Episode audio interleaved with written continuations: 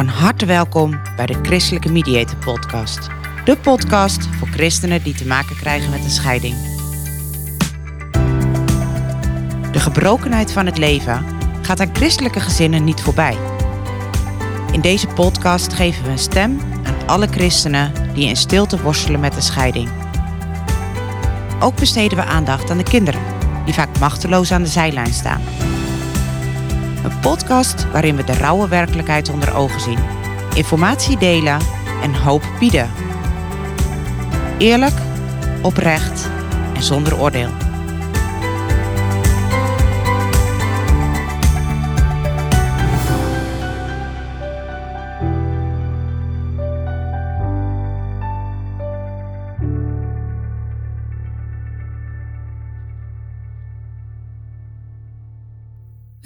Bij de Christelijke Mediator Podcast. Goed dat je luistert.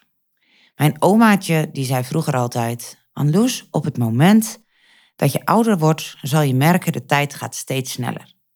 Nou, als ik me realiseer dat het alweer december is, dan denk ik: Oma, u had gelijk. December, een maand met donkere dagen, maar ook een maand met verschillende feestdagen, kerstvakantie die eraan komt. Een periode die zich toch wel laat kenmerken als een tijd van samen zijn. En ik hoop gezellig samen zijn. Zeker ook voor kinderen is dit een periode waarin, ja, waar ze naar uitzien. Ze zijn uh, toe aan vakantie, maar nog voordat die vakantie er is, is er al pakjesavond of Sinterklaas, hoe jullie dat ook noemen. En daarnaast natuurlijk de feestdagen die eraan komen. Kerst, oud en nieuw, eventueel vuurwerk. Een spannende tijd. En zeker spannend op het moment dat een kind gescheiden ouders heeft. En als de scheiding het afgelopen jaar heeft plaatsgevonden en dit de eerste kerst, de eerste oud en nieuw, de eerste pakjesavond na de scheiding wordt, dan is de kans dat er een bepaalde spanning op die dagen ligt best groot. In deze podcast wil ik jullie zeven tips en adviezen geven van hoe kun je deze dagen nou op een zo fijn en goed mogelijke manier doorkomen. Want kinderen die kunnen zich dan wel verheugen op deze dagen. De kans dat jij er tegenop ziet, is groot. Ik probeer dan terug te blikken naar de periode dat ik zelf net gescheiden was. En ik voelde de, de verheuging bij de kinderen. Ik had ook het idee dat ze nog meer verheugd waren en er nog meer naar uitzagen dan voor de scheiding. Maar mijn hoofd stond er totaal niet naar. Ik was toen nog zo zoekende naar hoe doe ik dit op een goede manier. De samenwerking verloopt nog niet helemaal zoals ik zou willen. Of sterker nog, op dat moment verliep het helemaal niet zoals ik het zou willen en zoals ik denk dat het goed zou zijn. Gelukkig is dat in de jaren daarna helemaal goed gekomen. Maar dat eerste jaar was echt moeilijk.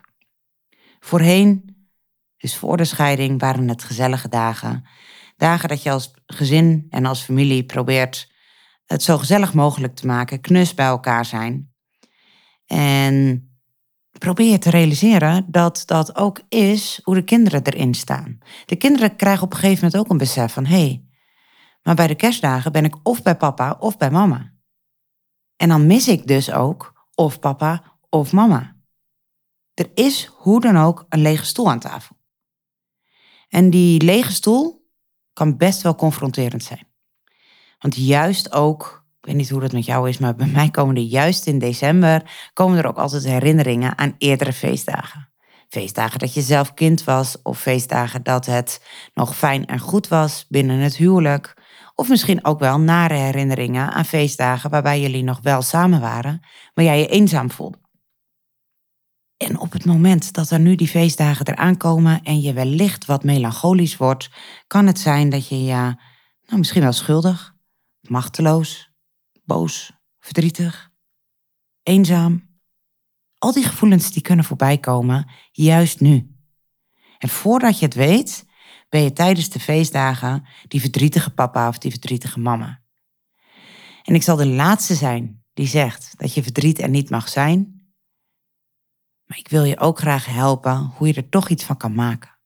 Hoe je er toch met elkaar een goede tijd van kan maken. En de eerste tip die ik wil geven is dat een goed begin echt het halve werk is. Begin ruim op tijd met de planning, zodat de feestdagen goed geregeld zijn. Dat je daar geen onrust over hebt. Stem op tijd af met de andere ouder, met andere familieleden of vrienden, met wie je die kerstdagen of die feestdagen wil vieren. Zorg dat het duidelijk is bij wie de kinderen zijn. En regel daarbij ook de details. Dus hoe laat begint die pakjesavond? Of als de kinderen op eerste kerstdag naar de andere ouder gaan, hoe laat worden ze daar dan verwacht? Moet er iets gemaakt worden voor het kerstdiner op school? Wie gaat dat doen? Papa of mama? En wie gaat er mee naar de kerstviering op school? Lukt het om dat samen te doen? En als jullie dat samen doen, gaan jullie dan wel of niet bij elkaar zitten? Het kan heel veel rust geven op het moment dat je dat zo vroeg mogelijk, binnen bepaalde kaders natuurlijk, maar dat je dat vroeg en duidelijk regelt. En nou mocht je dan je afvragen van joh, maar hoe kunnen we dat nou het beste doen? Zo'n kerstviering op school bijvoorbeeld. We willen er wel allebei heen. Kunnen we dat? Maak dat bespreekbaar met die andere ouder. Schroom daarin niet en maak hardop uh, je twijfels duidelijk, zonder daarin de ander te verwijten. Maar geef maar aan als je het spannend vindt. Maak maar bespreekbaar dat je graag samen wilt. En de tweede tip die kan ik niet genoeg benadrukken, is creëer rust. Zeker als de kinderen jong zijn, geeft het het meeste rust als ze de periode voor, tijdens en na de feestdagen zoveel mogelijk in de buurt komt van de reguliere omgangsregeling. Met de reguliere omgangsregeling bedoel ik zoals jullie hem altijd gewend zijn. Kleine kinderen die hebben die structuur vaak ook nodig. En als de periode voor de kerstdagen al heel onrustig is, nou, dan kan je er bijna gerief op innemen dat die kerstdagen niet fijn en niet gezellig gaan worden. Als er te veel overdrachtsmomenten zijn, dat geldt overigens altijd, maar zeker in deze periode. Als er te veel overdrachtsmomenten zijn, dan geeft dat vaak onnodig spanning. Spanning voor kinderen en spanning voor jullie als ouders. En daar wordt niemand gelukkig van. Het zou dus heel veel rust kunnen creëren als de kinderen met kerst bij de ene ouder zijn en met oud en nieuw bij de andere. Wil niet zeggen dat je het op deze manier moet doen. Kiezen jullie er liever voor eerste kerstdag bij papa, tweede kerstdag bij mama, dan kan dat. Maar zorg dat er zoveel mogelijk duidelijkheid is. En dat een kind niet om zeven uur eh, snel zijn laatste hap moet doorslikken, want je moet nu naar papa of je moet nu naar mama. Nee, plan die tijden zo dat er rust ingebouwd kan worden. Dat er duidelijkheid is, dat een kind van tevoren weet waar hij of zij aan toe is. En help een kind ook om nou, met een stukje blijdschap van, joh, straks ga je naar papa en dan wordt het vast superleuk. Dus help mee, denk mee in het belang van het kind. Er is vaak best wel veel drang om het tijdens de feestdagen gezellig te maken. Het moet gezellig zijn. En Zeker op het moment dat je zelf met een bepaald schuldgevoel rondloopt. Of je denkt van joh, maar ik doe die kinderen zo tekort. Ik had ze zo graag in een gezin willen laten opgroeien zonder de gebrokenheid van een scheiding. En dat leidt er nog wel eens toe dat we willen overcompenseren. Wat een hele goede tip is, op het moment dat je het voor die kinderen goed wil doen, ga in gesprek met de kinderen. Wat vinden hun fijn? Waar hebben hun behoefte aan?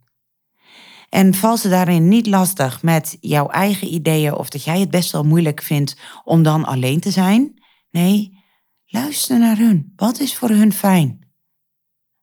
Blijf, hoe dan ook, jullie kinderen ten alle tijden voorop zetten. Ook in het contact met de andere ouder. De kinderen willen graag een ontspannen contact hebben met zowel papa als mama. En hoeveel pijn en verdriet de andere ouder jou mogelijk ook heeft gedaan, in dit geval doet dat er eigenlijk niet toe. Het gaat nu om de kinderen. Ook al is jullie liefdesrelatie voorbij, jullie blijven samen die ouders. En kinderen hebben geen boodschap aan pijn en verdriet die voortkomt uit jullie oude partnerrelatie. Dus gun elkaar het ouderschap. Gun je kinderen het houden van papa en mama. Voluit. Dat betekent dus ook dat je met overtuiging en doelbewust op een actieve manier de band met de andere ouder en je kind, of de band tussen de andere ouder en je kind, dat je die stimuleert. En dat kan soms best wel eens heel moeilijk zijn en veel van je vragen. Maar probeer je te realiseren dat je je kinderen geen groter cadeau kan doen dan dat. Stel nou dat er in die periode frustraties komen. Frustraties, irritaties, noem het maar op. Om alles wat er niet gaat zoals jij zou willen dat het gaat. Ga in gesprek met die andere ouder. En probeer te beginnen met ik. Ik zou het fijn vinden als we dat of dat op een andere manier zouden kunnen doen. In plaats van dat je de zin begint met jij. Ja, maar jij doet altijd dat en dat. Dus die communicatie, die is altijd belangrijk. Maar probeer juist ook in deze periode je daar eens bewust van te zijn. Ik heb er behoefte aan om. In plaats van, ja, maar jij? Niet jij regelt alles zonder te overleggen, maar ik zou het fijn vinden om het samen in overleg te regelen. Het is dezelfde boodschap, maar zo anders. En je zult zien dat op het moment dat je die andere boodschap gaat brengen, zoals je gaat praten vanuit jouw behoefte in plaats van vanuit een verwijt, dat de communicatie zal verbeteren. En dat begint met kleine stapjes. Verwacht het niet in één keer. Verwacht ook niet dat de ander ermee begint, maar zet zelf die eerste stap. En ook die tweede en ook die derde. En lukt het je niet om het voor de andere ouder te doen, lukt het niet om het voor je ex te doen, doe het dan voor je kinderen. Binnen ons vakgebied zeggen we vaak: ga van verwijt naar verzoek. Dus misschien kan dat je helpen om het in je oren te knopen. In plaats van dat ik nu een verwijt breng, ga ik nu een verzoek brengen. Ga ik nu een verzoek doen en een vraag stellen. Komen we alweer aan bij de zesde tip. En dat gaat over tradities. Maak nieuwe tradities. Kans dat jullie binnen het huwelijk, toen jullie nog als één gezin kerst vierden, bepaalde tradities hadden, is groot. En kans dat jij die tradities op een bepaalde manier gaat missen, of dat de kinderen die gaan missen, die is ook groot. Zie deze nieuwe periode, een periode waarin je als gezin niet meer met elkaar kerst viert, Probeer die te gebruiken om nieuwe tradities te maken. En die kunnen heel klein zijn. Al is het maar op kerstavond eten we uh, bij de koffie een uh, uh, warme kerststol. Of op kerstochtend dan ontbijten we met broodjes, eitje, noem allemaal maar op. Dus hoe klein het ook is, van dat taartje of dat samen koken of s'avonds uh, nog even bepaalde muziek luisteren of maken met elkaar. Ga kleine, waardevolle, nieuwe tradities maken waarbij je je creativiteit en de creativiteit van de kinderen ook echt een kans geeft. Dat zijn prachtige manieren om de feestdagen intiem en fijn te maken. Ik sprak ooit een kind van een gescheiden ouder en dat kind zei, joh, de eerste avond was het een beetje gek. Maar de dag daarna was het echt gezellig. Na de kerk gingen we met z'n drieën gingen we brunchen. We gingen met z'n allen de tafel dekken. En daarna aten we met z'n drieën. We hadden muziek op de achtergrond aan. Kaarsjes erbij. En het was zo gezellig. We hebben afgesproken dat we dat volgend jaar weer gaan doen. Zo klein kan het zijn. En het kind glom van oor tot oor. Hoe mooi is dat?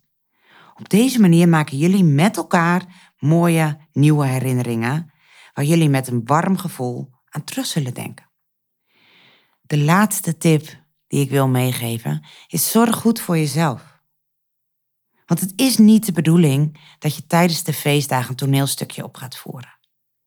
Dat je op eieren loopt en dat je maar één ding hoopt en dat is dat die feestdagen heel snel voorbij zijn. Je hoeft niet te doen alsof er niets aan de hand is. Je hoeft geen verstoppertje te spelen. Je mag het ook gewoon benoemen. Dat het best even ingewikkeld is. Je mag ook vragen aan de kinderen van, hoe is het nu voor jullie? Waar hebben jullie behoefte aan? Wat hebben jullie nodig? Het kan ook helpen om even contact te zoeken. Juist ook op die dagen met een vriend of vriendin. Om even je ei kwijt te kunnen. Om even te kunnen delen dat het best wel een zoektocht is. En dat je je misschien best wel even ongemakkelijk of alleen voelt. Als het gaat om goed zorgen voor jezelf, dan weet ik als geen ander hoe ingewikkeld dat kan zijn, juist ook in een scheidingsproces. Toch weet ik nog dat op een gegeven moment mij, een, tijdens mijn eigen scheidingsperiode, een vriendin mij erop wees van, joh, zie het voor je als in het vliegtuig. In het vliegtuig dan wordt er uitgelegd dat je eerst het zuurstofkapje bij jezelf op moet doen voordat je je kinderen helpt. En op het moment dat jij in deze periode, die een beetje extra uitdaging vraagt, goed voor jezelf zorgt, dus eerst dat zuurstofkapje bij jezelf opdoet, dan kan je er ook veel beter voor je kinderen zijn. Dus neem die ook echt mee. Laat het voor een deel ook een beetje over je heen komen. Als de planning goed is geregeld, als er goede en heldere afspraken zijn gemaakt. En op het moment dat je aandacht hebt voor die communicatie, dan is het oké. Laat het verder maar een beetje gebeuren.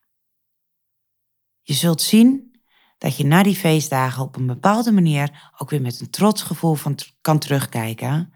Dan heb je het toch maar weer gefixt. En zijn er dingen waarvan je achteraf zegt, oh, dat was niet helemaal handig? Neem ze mee als leerpunt voor volgend jaar. Het hoeft niet perfect. Ben ik alweer aan het einde gekomen van deze podcast? En voordat ik deze podcast afsluit, wil ik je als luisteraar bedanken voor het luisteren naar alle podcasts van afgelopen jaar. En wens ik je fijne, goede, warme, gezegende dagen toe. En een hele goede jaarwisseling. Maak er iets van met elkaar. Maar onthoud, het hoeft geen toneelstukje te worden. Alle goed. Dank voor het luisteren naar de Christelijke Mediator podcast. Mocht je behoefte hebben aan advies of aan een luisterend oor, schroom niet. Neem vooral even contact op. Dat kan via www.christelijkemediator.nl. We helpen je graag. Je staat er niet alleen voor. Wil je geen aflevering meer missen? Abonneer je dan op de podcast in je favoriete luisterapp.